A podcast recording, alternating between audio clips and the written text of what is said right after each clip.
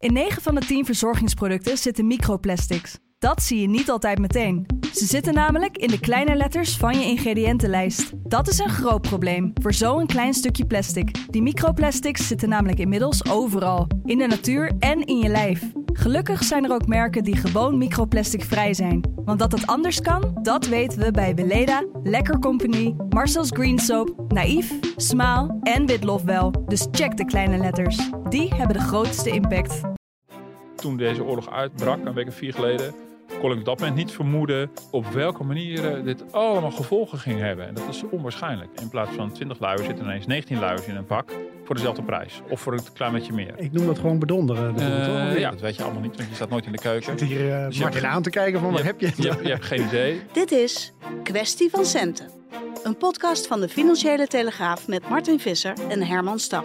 Hartelijk welkom. Straks gaan we het uitgebreid hebben over waar eh, Martin Visser eh, zijn zonnebloemolie nog eh, koopt. Want ik weet toevallig dat hij daarmee kookt. Ik ken helemaal niemand meer die met zonnebloemolie kookt. Maar het schijnt toch Dat dacht je dus. Ja, ik sta zelf waarschijnlijk ook gewoon nooit in de keuken. Daar zal het ongetwijfeld aan liggen. En eerst nog maar eventjes onze redactiediner. Want ik kreeg wat reacties op mensen die de podcast hadden geluisterd. Van hoe wild is het geworden? Hebben oude tijden zich herbeleefd? Martin, hoe laat was je thuis? Ja, ik was om tien over half één thuis, dus dat viel wel mee. Ja, dan was je eerder dan ik zelfs. eh, Ja, dat geloof ik wel, ja. ja, ja. Ja, ik was Sjaak afhaak eh, na het eten. Ja, nee, eh, nee, maar het is goed. Ik denk dat heel veel mensen dat ook herkennen. Dat, dat we weer ja, gaandeweg, eh, zeker als je kantoorwerk hebt, dat je weer terugkomt. en eh, voor mij, bij, bij heel veel kantoren zijn ze mee bezig. Hoe gaan we dat nou eigenlijk doen? Hoe vaak? Ja. Eh, ze werken weer op, de, op, op, op kantoor, of in dit geval op de redactie. Wat ook eigenlijk gewoon, natuurlijk gewoon een saai kantoor is. Maar goed. en, Ik heb laatst een promofilm opgemaakt, hè, hoe dynamisch het hier Oh allemaal ja, is. ja, ja, ja, ja, ja. Nou, dat is, dat is marketing, hè? Bedoel, eh, ja, dat is allemaal façade. Nee, maar eh, ja, en, en zulke uitjes horen er weer bij. Dat is natuurlijk wel heel goed. Want eh, ja, je merkt wel, eh, alles op afstand via de WhatsApp en via Zoom en Teams. eh, ja, dat is niet heel erg inspirerend. Dus het was wel heel fijn dat we gewoon een avond hadden waarbij eh, corona gewoon even niet bestond. Ja. Eh, heerlijk was dat. Nee, ja. ik had precies hetzelfde. Ik vond het heel leuk, want er staat, we, zijn, we hebben van een paar mensen afscheid genomen op de redactie die op andere plekken zijn gaan werken. Die luisteren deze podcast en die begonnen er meteen over van, jullie hadden het in de podcast er al over. En, Ja, eh, nou, die waren er dus zelf bij Ja. als je luistert. Dus weet je zelf hoe beeld je het hebt gemaakt. Ja. En nou, volgens mij viel het wel mee. Misschien moeten we er nog een beetje inkomen. Hartstikke goed. Richting de prijzen gaan we. Ik heb eh, be- besluit genomen dat ik eh, mijn prijzen, mijn frietprijzen eh, heb moeten aanpassen en moeten verhogen en mijn eh, snackprijzen moeten, heb moeten verhogen.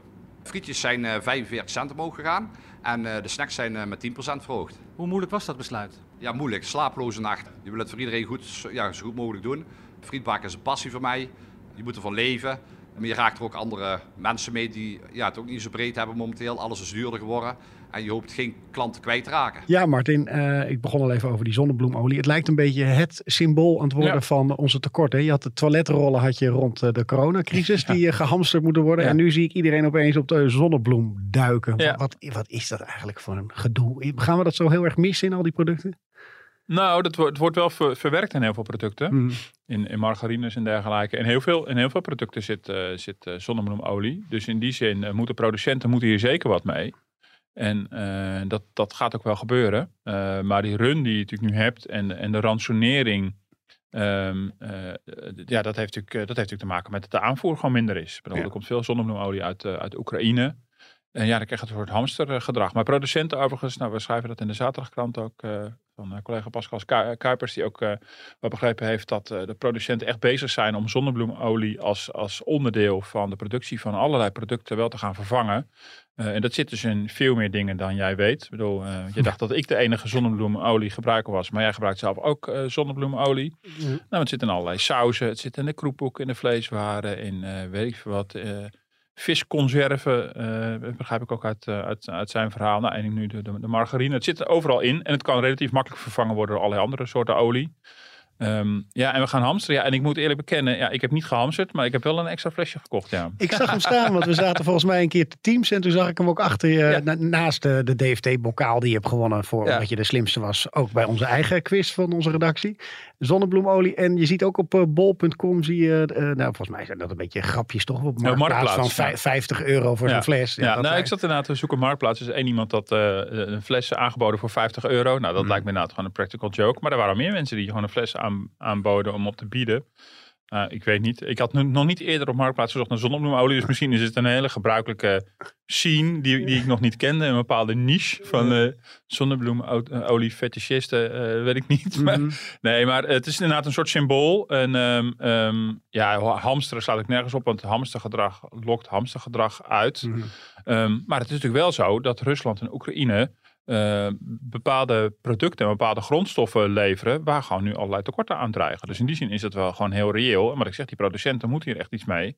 En het zou natuurlijk best kunnen zijn dat op een gegeven moment uh, de zonnebloemolie gewoon een tijdje minder goed verkrijgbaar is. Mhm. En dat is inderdaad geen ramp, want dan schakel je gewoon over op olijfolie. Uh, maar goed, die is dus veel duurder. Mhm. Dat, maar, goed, maar dat weet je allemaal niet, want je staat nooit in de keuken. Ik zit hier Dus Martin hebt- aan te kijken van, waar heb je het? Je hebt, je hebt geen idee. Maar dat heb is een vrouw die echt heel goed kan koken. Ja. Ik, eh, ik word niet getolereerd in Ja. de keuken. Ja. Maar jij weet überhaupt niet wat voor olie er in de keuken is bij jullie. Eh, nou, die olijfolie die zie ik nog wel, denk Die, ik. zie, die zie je nog wel, ja. En je weet ook dat je twee soorten hebt, hè? Eh, Van olijfolie? ja, koud en warm gebruik. Dat weet je. Nee, dit gaat wel te ver. Ja, serieus? ik beken het. Ja. Oh, ja. oh, wat erg. Sorry.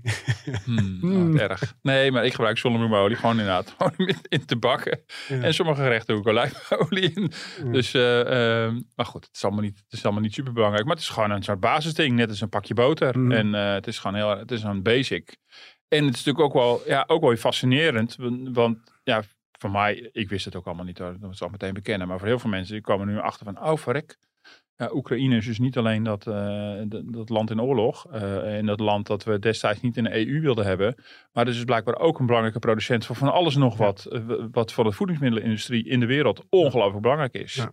En dat vind ik ook wel weer fascinerend. Hoe je ziet dat ja, de, de, de, de, de effecten van de oorlog nu allerlei eh, eh, dingen weer blootlegt. Van oh ja, zo zijn alle schakels in de wereld met elkaar verbonden. En dat gaat heel ver. En de zonnebloemolie is dan een beetje een praktisch voorbeeld. Dat, internationale, die internationale component komen we later nog op, Ja. hè, hoe dat allemaal zit. Maar dan even voor het gevoel in de supermarkt. Want er zullen ook mensen zeggen, eh, ja, jij gaat waarschijnlijk eerst tegen mij zeggen, je doet bijna nooit boodschappen, je weet niet waar je het over hebt.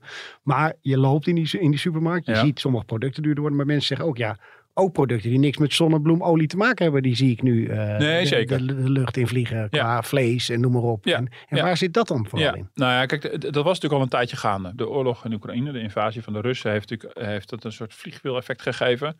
Maar dat was natuurlijk al een tijd gaande in aanloop eh, daarnaar, eh, zowel door de geopolitieke spanningen, maar ook door het herstel van de economie na de coronacrisis, dat er, dat er zo'n grote vraag was en schaarste aan allerlei grondstoffen. Dus dat gaat veel verder dan alleen maar die olie uit, eh, uit de Oekraïne. En dat zie je natuurlijk inderdaad wel degelijk eh, ook terug in allerlei eh, supermarktprijzen. Terwijl heel veel prijsstijgingen zitten nog in die keten overigens. Hè. Dat is, eh, dus lang niet alle pijn wordt nu door de consument eh, gepakt. Maar je ziet het natuurlijk wel degelijk. En eh, nou, olie en gas was natuurlijk al langer duurder. En olie en gas, ja, het zijn voor heel veel bedrijven hebben die nodig om, om überhaupt hun fabrieken draaiende Mhm. te houden. Om het maar gewoon heel eh, huiselijk te zeggen. Dus de prijsstijgingen van al die grondstoffen kom je op allerlei plekken terug. Dat kan ook een tuinmeubilair zijn. Een tijd geleden al een keer over gehad. Als je een offerte hebt aangevraagd voor het, eh, voor het aanpakken van je tuin. En dan tegen de tijd dat je het laat uitvoeren, komt die hovenier erachter van verrek. Maar die offerte kan helemaal niet meer uit. Want inmiddels zijn allerlei prijzen gewoon door het dak gegaan. Maar in de supermarkten merk je natuurlijk wel degelijk. Ik heb nog contact van de week gehad met, eh, met de Rabobank. Die dat prachtig op een rijtje zetten. Dus dan heb je echt heel erg uitgesplitst. Echt op, op productniveau van supermarkten. Eh, die hebben van een heel aantal supermarktproducten de prijsstijging vergeleken met eh, begin oktober. Met stip nummer 1 staat boter en margarine. En dat heeft natuurlijk wel met, met die olie te maken. En dan heb je een prijsstijging van 15% vorige week ten opzichte van begin oktober. En, eh, maar bijvoorbeeld koffie is eh 12% duurder geworden sindsdien. Vruchten in blik zijn duurder geworden, 10%. Pasta is 10% duurder geworden. Groenten in blik, chocolademelk, alcoholvrij bier, gek genoeg. Dan ben ik dus weer de Sjaak. Eh, gehakt, sauzen, soepen. Nou, ik noem even het rijtje gewoon op. En dat zijn prijsstijgingen van, van 7,5% tot aan 15%.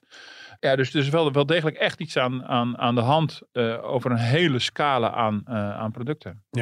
Eh, laten we ook eens eventjes over hebben van hoe dat gaat. Hè? Want je zei al van de consument voelt het nog niet op alle vlakken. Je hebt natuurlijk enorme onderhandelingen op dit moment Ja. met de producenten en de supermarkten. Laten we eerst even luisteren naar onder andere eh, retail-expert Paul Moers. En hier zie je al meteen een heel mooi voorbeeld. Eh, luiers. Ja, hier zaten er eerst eh, 20 in en nu maar eh, 19. Hier zat vroeger eh, 750 milliliter in, nu nog maar eh, 600. En hij is ook een stukje duurder geworden. Die laatste, dat heb ik me net eh, laten vertellen door jou, dat is Gierige Gerda, Ja, toch? Gierige Gerda. Ja, ik weet, eh, ik gezegd weet ik de, eigen, de echte naam niet, maar dat is haar eh, naam voor haar blog. Mhm. En dit is een fragment van Eén Vandaag. En Eén Vandaag een radar, een consumentenprogramma en een actualiteitenprogramma. Hebben samen eh, eh, een steekproef gedaan. Eh, en dit gaat over krimpflatie. Dit is ook een manier om de prijsstijging te verwerken. Namelijk eh, in plaats van 20 luiers zitten ineens 19 luiers in een pak voor dezelfde prijs. Of voor een klein beetje meer. Ik noem dat gewoon bedonderen. Eh, toch? Ja, ja. Maar ja, dat werkt, want jij hebt het niet in de gaten, want jij komt nooit in de supermarkt. Nee. Dus eh, jij ziet dat niet. En, en goed, en als En- chef van de financiële redactie hoef je überhaupt geen zorgen te maken. dus, dus, dus het gaat allemaal aan jou voorbij. Krijgen ze weer voor me kiezen hier vandaag. Ja, maar goed, eh inkoppertjes. Ehm, eh, nee, maar dat is natuurlijk wel eh, interessant. Dus het bleek dus bij tal van producten bleek dat het geval te zijn. Mhm. En dan dankzij een gierige Gerda, eh, ja, ze heeft die naam zelf verzonnen. Hartstikke Eh, leuke naam. Hartstikke leuk. Ja. En die, die schuimt dus alle supermarkten af. En die gaat, houdt er echt gewoon heel goed bij. Eh, ja, en ik denk dat dat een beetje onder de radar blijft in onze officiële inflatiecijfers. Maar ja, als je van die, van die eh waspots koopt, van, die- van die tabletten, maar van die zachte Mhm. dingen. Nou, daar zit er voorheen 20 in een pak en nu nog maar 16. Ja. Eh, ja, dat is substantieel. Eh, dus dat is ook een manier. De krimpflatie, een manier om ja, je kan ook zeggen dat is een manier om de inflatie wat zachter te laten landen. Eh, ja, het is, ja, je zegt bedonderen. Het mag natuurlijk allemaal gewoon. En, Mhm. eh, en als je op de supermarkt kijkt, dan zie je natuurlijk de, de, de prijs staan. In een hele kleine lettertjes staat er ook vaak bij. Wat kost het per liter of per, per, ja. per vaste eenheid. En dan kan je dat vergelijken. Dus daar kom je er wel achter. Maar ik moet zeggen, ik heb mijn keukenkastje hier nog niet op nagekeken. Maar het was mij tot nu toe nog niet opgevallen. Hmm. Ehm, ik, koop ook, ik kom ook bijna niet in de supermarkt. Ik koop alles online. En dan heb je het überhaupt niet in de gaten. Want die plaatjes lijken alles even groot. Ik heb wel eens een veel te grote pot eh chocopasta gekocht. Of een veel te kleine. En dan denk je van, oh ja, ik had toch even op moeten letten wat Ja. voor hoeveelheid het is. Maar dit is een manier. eh, want die prijsstijging zit in die keten. Die Mhm. keten van nou, de, de, de grondstof naar de fabrikant, naar de supermarkt, naar de klant. En waar gaat die pijn gepakt worden? En dat, die strijd is nu gaande. Want je had het voorbeeld, hè, eh, rond, eh, het is bijna Pasen. En dan had je rond eh, de eierproducenten. En daar waren volgens mij vrij harde onderhandelingen geweest. Ja. Want die zeiden, ja, onze kosten lopen gewoon enorm op. En die hadden wel een soort slag geslagen. Die hadden een soort garantie gekregen van de supermarkten. Dat ze wel een bepaalde prijs binnen Ja, er, er worden nu nieuw soorten afspraken gemaakt. Waarbij de, de, de producent, zeg maar. dat klinkt bij eieren een beetje gek. Maar in, het is het uiteindelijk toch allemaal industrie. Mhm. ehm, zoals we dat georganiseerd hebben. Maar de, de producent ook wel echt wel hard moet kunnen maken in de onderhandelingen. Dat hij ook echt last heeft van die grondstofprijzen. En eh, nou, ik begrijp dat er in, in allerlei sectoren nu ge- gezocht wordt naar een nieuw soort contracten met meer clausules. Waarbij de, de prijs die de supermarkt gaat betalen ook gaat meebewegen. En dat betekent dus ook dat er vooruitgekeken wordt van stel dat nou straks die grondstoffenprijs weer wat zou dat gaan dalen. Dat die prijs ook weer omlaag kan. Ja. En dat is nog een heel gevecht. En ehm, eh, de supermarkten hebben hele kleine marges. Eh, dus die moeten het hebben van de, van de bulkomzet in hun winkel. Maar die marges zijn heel klein. Dus je zit altijd enorm terug te duwen om te, veel te gaan betalen. Mhm. Eh, want ja, de, de, de wetmatigheid is ook, ook een beetje. Als de supermarktprijzen stijgen, betekent dat niet automatisch dat wij als klanten dus ook voor veel meer omzet gaan zorgen. Dan gaan wij eh, onze, eh, ja, onze voorkeuren gaan we aanpassen. Maakt gewoon een, een kleiner mandje van een ja, ander soort dat, dat- mandje. dat doe je natuurlijk niet ogenblikkelijk. En misschien doe je het niet altijd even bewust. Mhm. Bedoel, dat hangt ook een beetje ook van je portemonnee af. eh, of hoe bewust je da- daar allemaal mee bezig bent. Maar grosso modo is het dan vaak wel zo dat je een overstap maakt van een A-merk naar een huismerk. Wat weer goed nieuws is voor sommige hoeft supermarkten. helemaal niet per se Nee, slechter van te worden, dat is waar. En, ehm, eh, eh, en eh, het kan dus ook zo zijn dat je gewoon op een gegeven moment gewoon domweg minder koopt. Dat je gaat bezuinigen in dat opzicht. Dus het is niet zo dat die supermarkten dus één op één die hogere prijzen ook, eh, ja, ze kunnen ze wat doorvoeren. Maar het is niet, ze, kunnen, ze moeten echt heel behoedzaam omgaan hoe ze die prijsstijging de consument in de maag splitsen. Dus dan krijg je een enorme strijd. En we hebben natuurlijk al veel langer, er zijn natuurlijk allerlei verhalen bekend over de marktmacht van supermarkten. Eh, en dat gaat soms hard tegen hard. Waarbij producenten soms ook gewoon weigeren om bepaalde producten nog te leveren. En dan zie je ineens dat één supermarkt ineens geen bier meer heeft. Of geen koffiecups. Of eh, om- omdat er, nou, dan zijn er onderhandelingen gaande. Nou, dat, dat, speelt, dat speelt, wordt nu gespeeld op, eigenlijk op, op, op de volle breedte. Omdat alle producenten, even nog voor het idee. eh, wij hebben te maken met een, van, met een inflatie van nou, inmiddels een procent of zeven. Maar de producentenprijzen, dus de, de, dus de inflatie in, in, in het bedrijfsleven zelf, is Mhm. veel, veel hoger. In de voedingsmiddelenindustrie was die in januari nog, eh, was die al 13% Dat betekent dus dat er zit nog heel veel inflatie in dat bedrijfsleven. Mhm. En dat komt op een gegeven moment een keer natuurlijk de consumentenkant op. Ja. Want tot nu toe wordt er nog heel veel of gepakt door de, de, nou, door de boer, of door de eh, voedingsproducent, of door de supermarkt. Eh, ja, en dat, dat is nu de vraag van waar slaat die pijn neer? En Ja. ja. de voorbode is toch wel dat de prijzen de komende tijd waarschijnlijk nog veel verder zullen gaan stijgen. Want op een gegeven moment houdt het ook voor heel veel producenten eh, op. Je teert in, eerst in op je winst. Eh, maar als je in de sector zit met hele krappe marges en heel veel concurrentie, dan, ja, dan is het echt een beetje zoeken van hoe kunnen we op een manier langzaam toch die prijsstijging naar de consument doordouwen. Die krimflatie is dan een hele sneaky manier om dat te doen. Ja. ja, het is opvallend. Hè? We hebben er natuurlijk veel meer aandacht nu voor. Omdat het ook uiteindelijk in onze, voor onze portemonnee Ja. van groot belang is. Dus opeens eh, eh, willen we precies weten hoe die onderhandelingen weer Ja. zijn geweest. Ik geloof ook wel dat vanuit het kabinet wel wat sturing erop zit. Of dat ze ook wel wat mensen bij zich hebben geroepen van hoe gaan jullie hiermee om. Ja. Maar denk je ook bijvoorbeeld dat we minder kortingsacties en bonusacties gaan zien in supermarkten? Dat is- Nou, dat vind ik wel mo- moeilijk om te zeggen. Want ehm, eh, ja, dat is gewoon een marketing tool. Ik bedoel, eh, dus ik denk dat je dat wel kan, kan blijven doen. Ehm, ja, misschien dat je dat anders op een andere manier eh, inzet. Dat zou natuurlijk wel kunnen. Maar dat is ook een onderdeel, van- dat zit ook wel in de marge verrekend van die supermarkten. Dat is gewoon wel een manier om je klanten naar de, naar de supermarkten te blijven krijgen. Maar natuurlijk zal er opnieuw scherp naar gekeken moeten worden. En eh, ja... en dan heb je kans dat de kortingsactie misschien eh, is voor een prijs die, je- die je normaal geleden een jaar al normaal betaalde. En dat is dan nu ineens de, de, de, de afgeprijsde versie, zeg maar. Mhm. Ehm, eh, ja, nee, dus, dus dat moet wel in goede banen worden geleid. Want bedoel, ja, je, zit bijvoorbeeld ook, eh, nou goed, dat, dat, de- dat, dat bericht kwam ook, was dat van de week of vorige week. Bijvoorbeeld in de glastuinbouw, hebben we hier al eerder genoemd. Hè, dat is eigenlijk, nou, als je kijkt naar de economische rapporten, de sector die het hardst wordt getroffen, die gestegen gasprijzen. Nou, die leven natuurlijk echt niet alleen maar in onze eigen supermarkten, die exporteren over de hele wereld. Ehm, ja, dus daar, daar, daar is de situatie ook wel heel erg nijpend. Ik bedoel, eh, da- daar dreigen ook wel bedrijven om te vallen omdat ze gewoon die, die, die prijsstijging gewoon niet kunnen verdisconteren. Of niet voldoende kunnen verdisconteren in hun, nou, in hun paprika's, komkommers en, en dergelijke.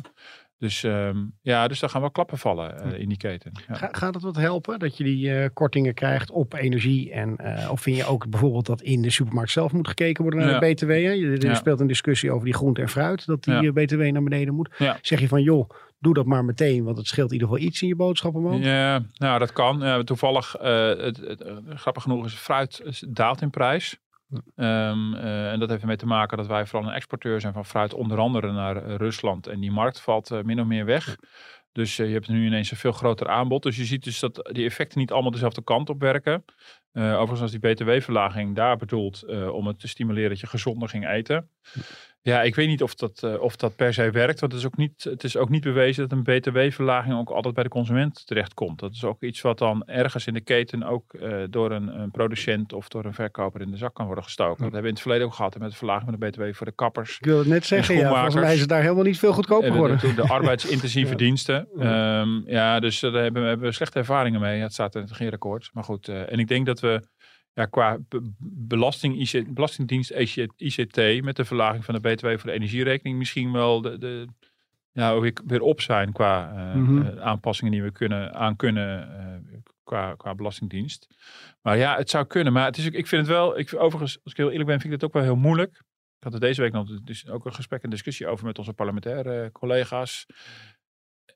Ja, tot hoever, in hoeverre moet een, moet een overheid alle klap opvangen? Moet alles worden gecompenseerd? Dat vind ik best wel een last. Dat, Het antwoord weet ik dus niet, eerlijk Ja. gezegd hoor. Nou, ik Kijk- vind als ze meer inkomsten hebben door een crisis, dat het bijvoorbeeld dat Ja. je ziet van nou, er loopt gewoon meer BTW binnen, dan Ja. kan je natuurlijk wel wat gaan aanpassen. Ja, dan kan je dat gaan doen. Nou, Ja. dat is nu op een hele creatieve manier gedaan. Want ook de extra inkomsten voor de, voor de gas, die zijn al naar voren gehaald. Hè? Want eh, een groot deel van het pakket wat, eh, wat onlangs eh, eh, dat kabinet eh, eh, bekendgemaakt, wordt betaald door de extra gasinkomsten. Niet alleen voor dit jaar, maar ook voor volgend jaar.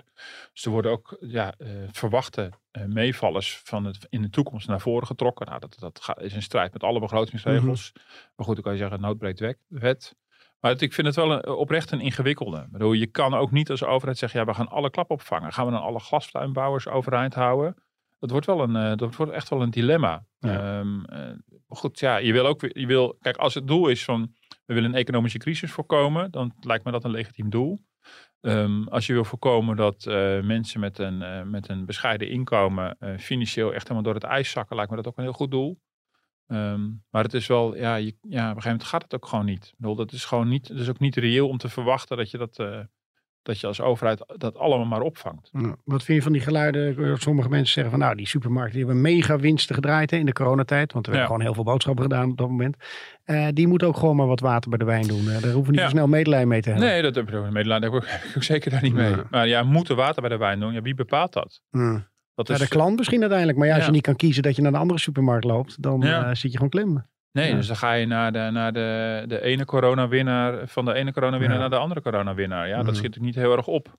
Nee, dus dat vind ik wel. En moet je dan als overheid in gaan grijpen in die marktordening? Ja, we hebben in principe gewoon een autoriteit consument en markt die gaat over de marktwerking. Als, als daar concrete aanwijzingen zijn dat daar te veel marktmacht ligt bij een beperkt aantal supermarkten, moet je op die manier ingrijpen. Maar ik zou het wel vrij heftig vinden als de overheid op een manier aanwijzingen gaat geven. Dan, ja, dan, eh, ja, het is wel een beetje Sovjetachtig. Ja. Het zou wel, eh, zou wel heel actueel zijn, zeg maar, om het eh, op die manier. eh, nee, ja, dat vind ik wel echt heel ver gaan. Maar, maar ik voel wel mee met het sentiment. Ehm, eh, maar dat, ja, dat, is, dat zou wel een hele vergaande ingrijpen zijn. Maar misschien blijkt, zijn, zijn het op een gegeven moment, blijk- blijkt hier wel uit, is dit wel een case waar dat gewoon blijkt. Dat er gewoon te weinig concurrentie is in supermarkten. Maar overigens betwijfel ik dat, want onderling concurreren ze als een gek. Mhm. Maar ten opzichte van de, de, de producenten hebben ze natuurlijk weer behoorlijke macht. Want iedereen wil natuurlijk in al die schappen liggen. Ja. Dus, ehm, nou goed, dit is, meer, dus ik, dit is meer een dilemma dan dat ik nou meteen weet van zo zou het moeten, zou het moeten oplossen. Maar ik denk wel dat het heel goed is dat het kabinet op een gegeven moment ook zegt, we hebben een heel aantal dingen gedaan. Op het compensatiepakket kan je allerlei kritiek hebben. Maar ergens houdt het wel, ja, houdt het ook een keer op. Dat begrijp ik ook wel. Is, is het volgens jou ook het moment, eh, voordat we naar het internationale blok gaan, eh, om juist meer productie toch in eigen land te hebben? Ja. Want we zijn zo afhankelijk weer en je ziet hoe Ja. de boel helemaal instort. Ja, nou ja, dan raak je al twee in landen ja. oorlog hebben. Dan raak je dus al in het internationale component. Dat vind ik wel ook fascinerend hieraan. Op een manier worden al onze economische systemen van keihard getest al, al een hele poos. In 2008 hebben we de bankencrisis gehad. Dat was een grote test voor het financiële systeem. Daarna in 2010, 11, 12 en daarna door de eurocrisis. Toen werd de euro getest. In de coronacrisis hebben we natuurlijk ook, hebben ook al een test van het internationale handel gehad. Uh, uiteindelijk was het vooral ook een test van uh, in, in hoeverre zijn we zelfvoorzienend in medische hulpmiddelen en geneesmiddelen. Ja, en nu wordt natuurlijk ook weer van alles nog wat getest, ook aan de internationale handel. Met, met name ook de voedselvoorziening, de energieafhankelijkheid. Ja, ik vind het ook wel fascinerend om te zien. En dat roept heel veel vragen op. Je ziet uh, deze week ook allerlei analyses verschijnen. Nou, dit is nu echt het einde of uh, een stap terug voor globalisering. Ja. En daar voel ik wel in die zin in mee dat je denkt, zo, jongens, bedoel, we hebben al ervaren dat we afhankelijk zijn van China voor de mondkapjes en van Siebert natuurlijk. Maar um, nou, dat geeft een heel ongemakkelijk gevoel. Um, ja, je, bent dus nu, je ziet dus ook gewoon hoe die voedselstromen gaan. Um, maar hier kan je toch ook, weet je, we kunnen niet zulke mega tarwe nee. graanschuren op nee. dit kleine stukje land uh, nee. zetten nou, zoals we in Oekraïne hebben. Dan? Nee, nou, maar we hebben ook megastallen, dus we kunnen prima. Bedoel, qua, qua vlees en fruit uh, zijn we natuurlijk, we zijn in, uh, op landbouwgebied zijn we een van de grootste exporteurs ter wereld. We mm. produceren in eigen land. Voor Nederland is eerder de omgekeerde vraag. Wij maken wel heel efficiënt gebruik van onze grond. Mm. Maar het is alleen zo inderdaad, je hebt, je hebt specialisaties. En dat economisch gezien is dat heel logisch. Dat is Adam Smith, met, uh, die natuurlijk al uh, iets zei over de onzichtbare hand die de markt als het ware stuurt. En dan zijn wij heel erg goed uh, in het houden van miljoenen varkens en kippen. En de Oekraïners zijn heel erg goed in het verbouwen van graan. Ja, dat is economisch gezien is dat heel logisch. Mhm. Mm -hmm. Ja, nu loop je ook wel tegen dit soort problematieken aan. Waarbij je dus ziet, ja, als die twee landen met elkaar in oorlog zijn, of Rusland echt Oekraïne aanvalt, en de, de graanschuur van de wereld wordt daarmee geraakt, heeft dat enorme consequenties. Ook daar weet ik het overigens het antwoord ook niet, maar ik vind het wel fascinerend dat dit, ja, dit roept wel heel veel vragen op. Dan zou je elk continent dan zelfvoorzienend moeten maken. Ja, hoe doe je dat dan? Verwacht je dat ook ja. van Afrika? Kan dat? En, uh, maar die vraag roept natuurlijk ogenblikkelijk op. Ja. Nou, of eens beginnen met Nederland om te kijken van joh, aan de ene kant is natuurlijk elke discussie over woningbouw, van welke weilanden moeten er opgeofferd worden. Of dat je zegt, ja luister, we willen gewoon als land kunnen zorgen dat we in ieder geval onszelf kunnen voorzien. Ja, ja. nou ja, dat is, dan ga je echt wel, um, ik snap je punt. Ik bedoel, uh, dan heb je toch het gevoel dat je met je terug gaat naar, naar voor de Tweede Wereldoorlog. Waarbij je natuurlijk in principe probeert dat een land uh, um, nou, in, in nood en in crisis in ieder geval zelfvoorzienend is. Nou, komen we hier ook niet om van de honger. Hè? Ik bedoel, uh, We hebben last van inflatie, maar niet, ik bedoel, er ligt nog steeds brood op de plank. Ehm, dus nou, straks gaan we het uitgebreid erover hebben. En wat ik zeg, bedoel, ja, we hebben gekozen voor een specialisatie. Het is niet zo dat we ruimtegebrek hebben. Nee, we hebben ervoor gekozen om gewoon massaal een enorme bio-industrie, uh, en daar verdienen we ook uh, goed geld aan. Hm. Daar zou je andere keuzes in kunnen maken. Maar ja, het is economisch heel inefficiënt natuurlijk. Als wij dan zeggen van nou, we gaan precies alleen maar produceren wat we zelf nodig hebben. Maar dat biedt ook heel veel economische voordelen op als elk land zich toelegt op de dingen waar het land goed in is. Maar ja, hm. wat, wat zijn dan de stromen over de wereld? En wat gebeurt er als er één zo'n land in, in zo'n oorlog terechtkomt? Ja, daar, heb, kan je natuurlijk wel vragen over hebben. Dat geldt ook voor energie natuurlijk, idem tito. Een enorme worsteling op de EU-top komen ze natuurlijk ook niet uit. En dan zie je nou, een, gasbo of een olieboycott, nou, dat kan dan misschien wel. Maar een gasboycott hoor je niemand over. Want ja, dat, dat, mhm. dat kunnen, kunnen, we helemaal niet waarmaken. Nou, dat voelt ongelooflijk ongemakkelijk. Dus die vragen worden wel allemaal opgeroepen nu inderdaad. Ja, helder. Uh, we gaan even naar dat internationale blok. En eerst even luisteren naar uh, Parvin Ngala. En dat is uh, de, in, de interim directeur van Oxfam Novib in Oost-Afrika. The escalating Ukraine crisis is um, dealing a very big blow to the East Africa hunger crisis. We note that at the moment, in terms of East Africa, um, we import 90% of the wheat from Ukraine and uh, Russia. And when we look at the prices of food, and especially grains and oil, they've been rising exponentially. And unfortunately, it's the poorest and the most vulnerable that are at the center of this. Ja, bij eh, de VN hadden ze het volgens mij al over de orkaan van honger die Afrika staat te wachten. Ja. Uh, dit zijn uh, dramatische geluiden waar ja. uh, daar naartoe gaan, toch? Ja, ik vind wel, ja, zeker. Ja. Overigens, ja, nee, wat je natuurlijk wat je ziet is inderdaad, Rusland en Oekraïne zijn grote producent van graan. Ik geloof ze ongeveer 18% van de graanproductie voor de rekening nemen, maar maar liefst 30% van de graanexport. Dus er zijn grote delen van de wereld echt afhankelijk van met name Oekraïnse graan. En Afrika is een van de continenten dat uh, daar. Uh, wij hebben het dus minder, maar we merken vooral de gestegen graanprijzen.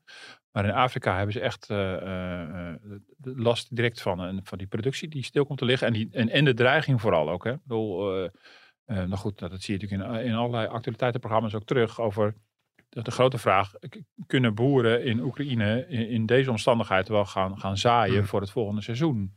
Dus dan zie je dus dat uh, Afrikaanse landen straks, nu en vooral straks, te lijden gaan krijgen onder ja, uh, een, een misoogst, zeg maar. Ja, namelijk geen oogst. Hmm. Als er gewoon hele grote delen van die arealen in, in Oekraïne um, ja, ongebruikt zullen blijven door, door de oorlog. Dus het heeft een enorme impact. Overigens is de impact ook nog op een andere manier. Is dat, dat, ja, dat, dat zag je natuurlijk ook een beetje met onze 555-actie. Is dat we zijn natuurlijk heel erg gericht plots met z'n allen op één groot uh, probleem in de wereld. Uh, je ziet dus ook hulpgelden gaan dan ook verschuiven. Dat is, dat is ook een probleem. De, VN heeft daar ook, heeft daar ook voor gewaarschuwd. en ze vrezen met name naar onder, onder andere in Jemen natuurlijk nog steeds een oorlog gaande is. Vrees, ik bedoel, dus, dus Oekraïne is niet de enige reden, maar mm het versterkt natuurlijk wel. En als alle aandacht ineens naar Oekraïne gaat, vrezen ze daarvoor grote hongersnood. Andere landen in Oost-Afrika.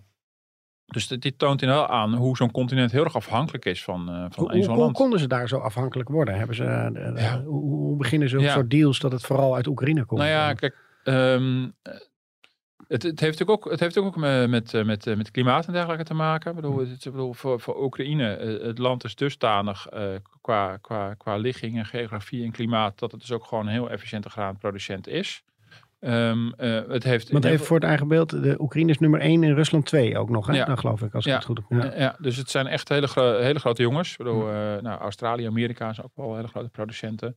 Um, uh, maar het is dus heel, ja, en het heeft natuurlijk ook heel veel met handelsbeleid te maken. Ik bedoel, dat is iets wat natuurlijk rondom de EU met name speelt. Dus, um, de, de, dus in die zin zit er ook wel heel veel economie achter en politiek ook. Van hoe zorg je ervoor dat uh, Afrikaanse landen überhaupt in staat zijn om, uh, om uh, zelf ook te gaan verbouwen als ze het gewoon aan de wereldmarkt niet kwijt kunnen. dus, dus als je zo'n, ik weet eerlijk gezegd niet of dat vanuit Oekraïne ook zo, zo, zo, nadrukkelijk speelt, maar de EU heeft natuurlijk eigen landbouwbeleid om de, weer de eigen landbouw te beschermen, de eigen boeren te beschermen. Nou, vanuit onze achtertuin klinkt het allemaal heel erg logisch, mm -hmm. maar daarmee overspoel je de markt soms ook met gewoon hele goedkope landbouwproducten waar voor Afrika niet tegenop te concurreren valt. Um, nou, wat ik zeg, of dat specifiek met de Oekraïne zo speelt, dat weet ik eerlijk gezegd niet helemaal. Maar dat is wel een spanning die er voortdurend is met die internationale handel. En um, kijk, dat een land het goedkoop kan produceren, omdat ze daar gewoon heel goed in zijn, zich helemaal op toegelegd hebben, is één ding. Maar als je vervolgens Ehm, eh, als je dat ook nog zwaar subsidieert, zoals in, in de Europese Unie gebeurt, ja, dan, ja, dan krijg je natuurlijk ook een oneigenlijke concurrentie. En dan, dan, dan maak je ook een continent als Afrika ook als het ware afhankelijk van, jou, van jouw landbouwproductie. En, uh, was, ja, dat- was jarenlang een hele belangrijke discussie dit hè, in de EU. Het was een Ja. beetje op de achtergrond Ja. gekomen. Of tenminste, in, in mijn hoofd stond het niet meer zo eh, helder. Maar dat begint nu weer heel erg te komen. Die Ja, en nu denk je, nu, nu is het foute boel. Dan denk je, maar waarom, eh, eh, maar waarom verbouwen ze dat allemaal zelf dan niet? Bedoel, en je hebt wel die kans dat nu die graanprijzen zo extreem stijgen. Ja, de business case daarvoor, eh, die verandert. Dat zie je op allerlei terreinen. Dat heb je ook bijvoorbeeld met de zonnepanelen. Die verdien- verdienen zich nu met die extreme energieprijzen ineens veel, veel sneller terug. Dus dat, dat beweegt ook heel snel. En of dat blijvend is, dat hangt natuurlijk van, de, van het verloop van die oorlog eh, af. Ja. Overigens vind ik het wel, eh, ja, het, het heeft geen verband met elkaar, maar wel fascinerend dat nu ja, je begint met een oorlog. Dus je denkt eerst heel erg aan, aan defensie en geopolitiek. Maar die hongersnood heeft op allerlei manieren, eh, komt die nu terug. Waardoor eh, eh, de, de, de dreigende hongersnood in delen van Afrika. Maar bijvoorbeeld ook heel lokaal in Mariupol. Waar natuurlijk eh, eh, volgens mij 90% van de stad al kapotgeschoten is. En Rusland met een omsingeling eigenlijk die stad gaat uithongeren. Ehm, dat is een ander soort hongersnood die in Afrika natuurlijk speelt. Eh, maar je ziet dat deze oorlog dus allerlei aspecten heeft. Eh, ehm, ehm, eh, ja, goed, en, daar, en daar is wel interessant dat het een soort echo uit het verleden is. Waar Oekraïne al eerder in de jaren 30 heeft gezucht onder een grote hongersnood. Min of meer veroorzaakt door Stalin destijds. Mhm. Dus dat hongersnood ook in, eh, gewoon in die strijd en die oorlog ook als in, ingezet wordt als een, als een soort middel. Eh, eh, ja, ik vind, vind dat ongelooflijk. Dus, dus wat dat betreft, ik leer ook de hele tijd bij over en Ja. over de geschiedenis. En ook over hoe de wereldhandel in elkaar zit. Maar ik- toen deze oorlog uitbrak, een week of vier geleden, kon ik op dat moment niet vermoeden op welke manier eh, dit allemaal gevolgen ging hebben. En dat is, on, dat is onwaarschijnlijk. En dit Hm. is, dit, nou, dit, is, dit is er dan zo een. Vind, vind je daarom ook, we geven natuurlijk wel steun, maar dat we toch, ja, dat is een beetje een soort oorlogsvraag bijna, maar dat we toch meer moeten ingrijpen of nog harder moeten Ja. pushen richting Rusland, als Ja. het, als het de, de rest van de wereld blijkbaar zo hard raakt. Ja, ja. Ja, nee, dat is eh, goed. Ja, daar gaat het nu. De la- dat ging het de hele tijd al over. Maar de laatste dagen natuurlijk nog, nog sterker. Ehm, eh, waarbij natuurlijk ook vanuit, met name vanuit de Oost-Europese landen, weer om andere, eh, andere redenen, overigens daar noem op, wordt aangedrongen. Hè, of niet op een manier. Ja, toch, weet ik veel, misschien niet militair gaan ingrijpen, maar toch op een manier vanwege de humanitaire ramp die zich daar ook voltrekt. Of we niet daar een soort vredesmissie-achtig iets kunnen doen. Ja, dat is allemaal ongelooflijk ingewikkeld. Ehm, ja, en moet je nou ingrijpen in Oekraïne omdat er anders een hongersnood dreigt in Sierra Leone? Ja, ja dat is allemaal wel ja, ja, heel moeilijk. Dat, ja.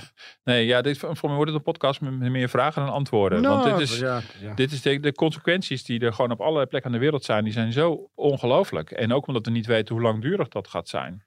Ehm, maar inderdaad, bedoel, de gevolgen zijn gigantisch. Eh, maar ja, de gevolgen van militair ingrijpen zijn ook gigantisch. En dat is tot nu toe wel een vrij overtuigend argument om het toch niet te doen. Maar dat geeft ook dat extreem nare gevoel dat we van dag tot dag kunnen zien wat daar gebeurt. En, en ja, en toch niet ingrijpen. Al gaat natuurlijk het leveren van, van wapens gaat inmiddels echt heel ver. Hè? Dan, Hmm. eh, dat vind ik echt wel op, opmerkelijk.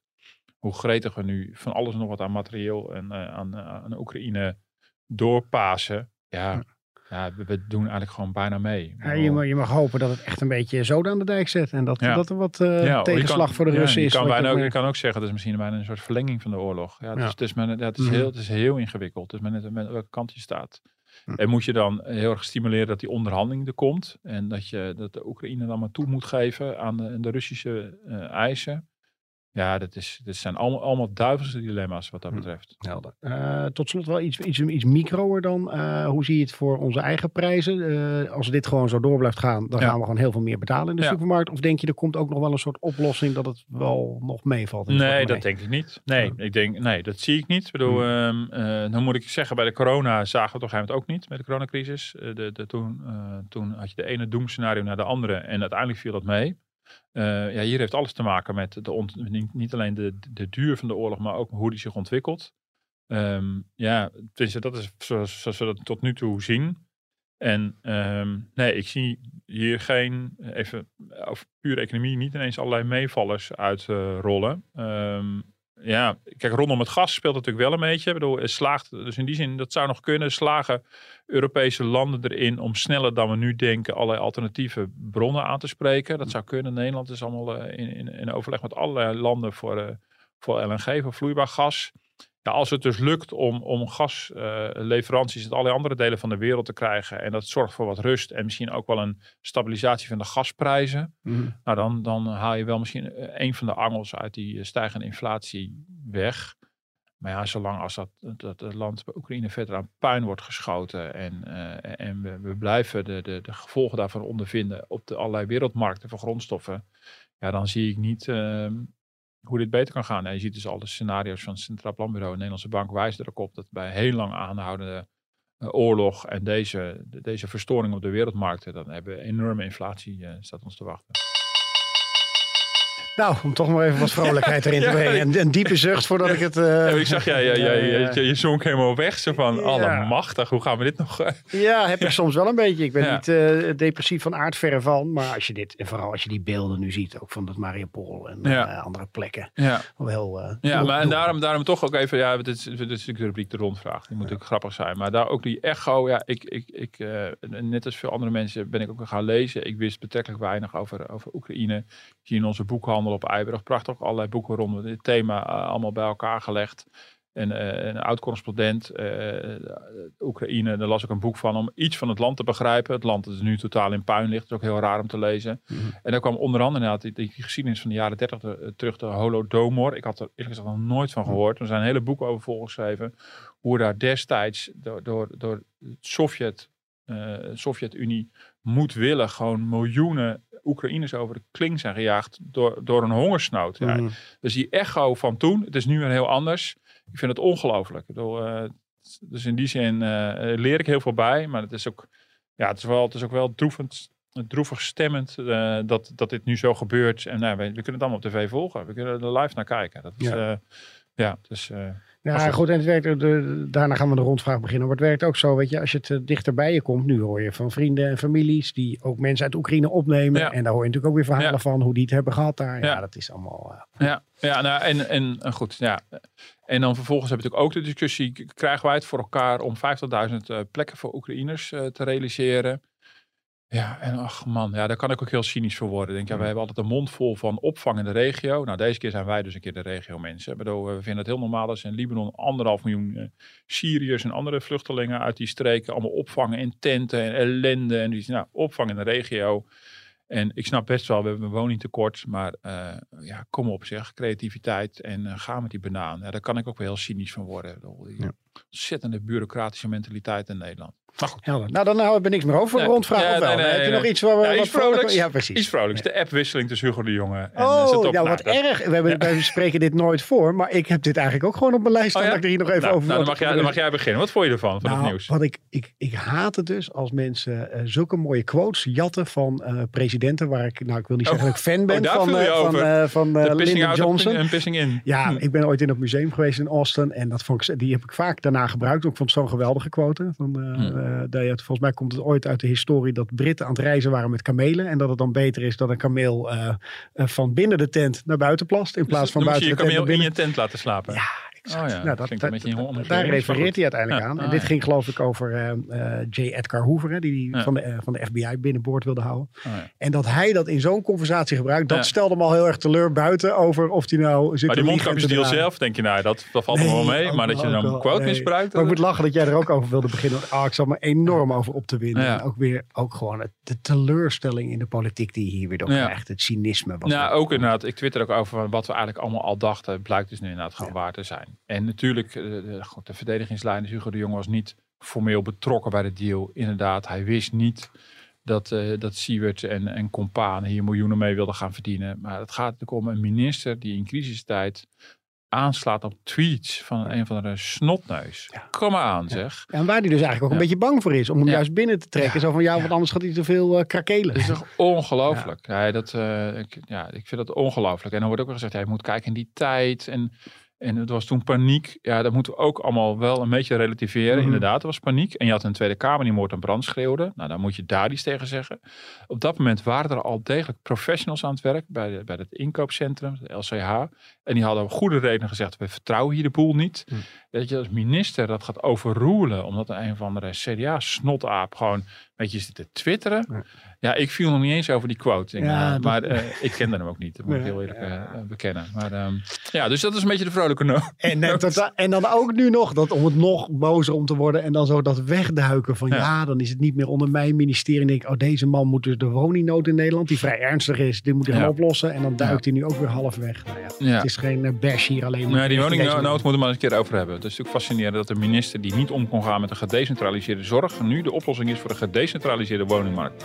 Maar dat is misschien een thema voor een eh, latere podcast. Nou, ik hoop dat u door deze mooie cliffhanger eh, toch een beetje bent blijven hangen. En dan bedankt voor het luisteren in ieder geval. En we gaan nu eens even wat vrolijkheid brengen. Want Martin gaat proberen heel veel duimpjes te verzamelen. Moet ik weer? Om onze podcast een beetje aan te jagen. Ja, duimpjes, sterretjes, eh, vier, het liefst vijf natuurlijk. E- eigenlijk gewoon vijf. Maar eh, nee, laat ook comments achter als het kan bij jouw podcast-app. Dat is leuk voor andere luisteraars. En dat helpt ook weer om ons vindbaar te maken.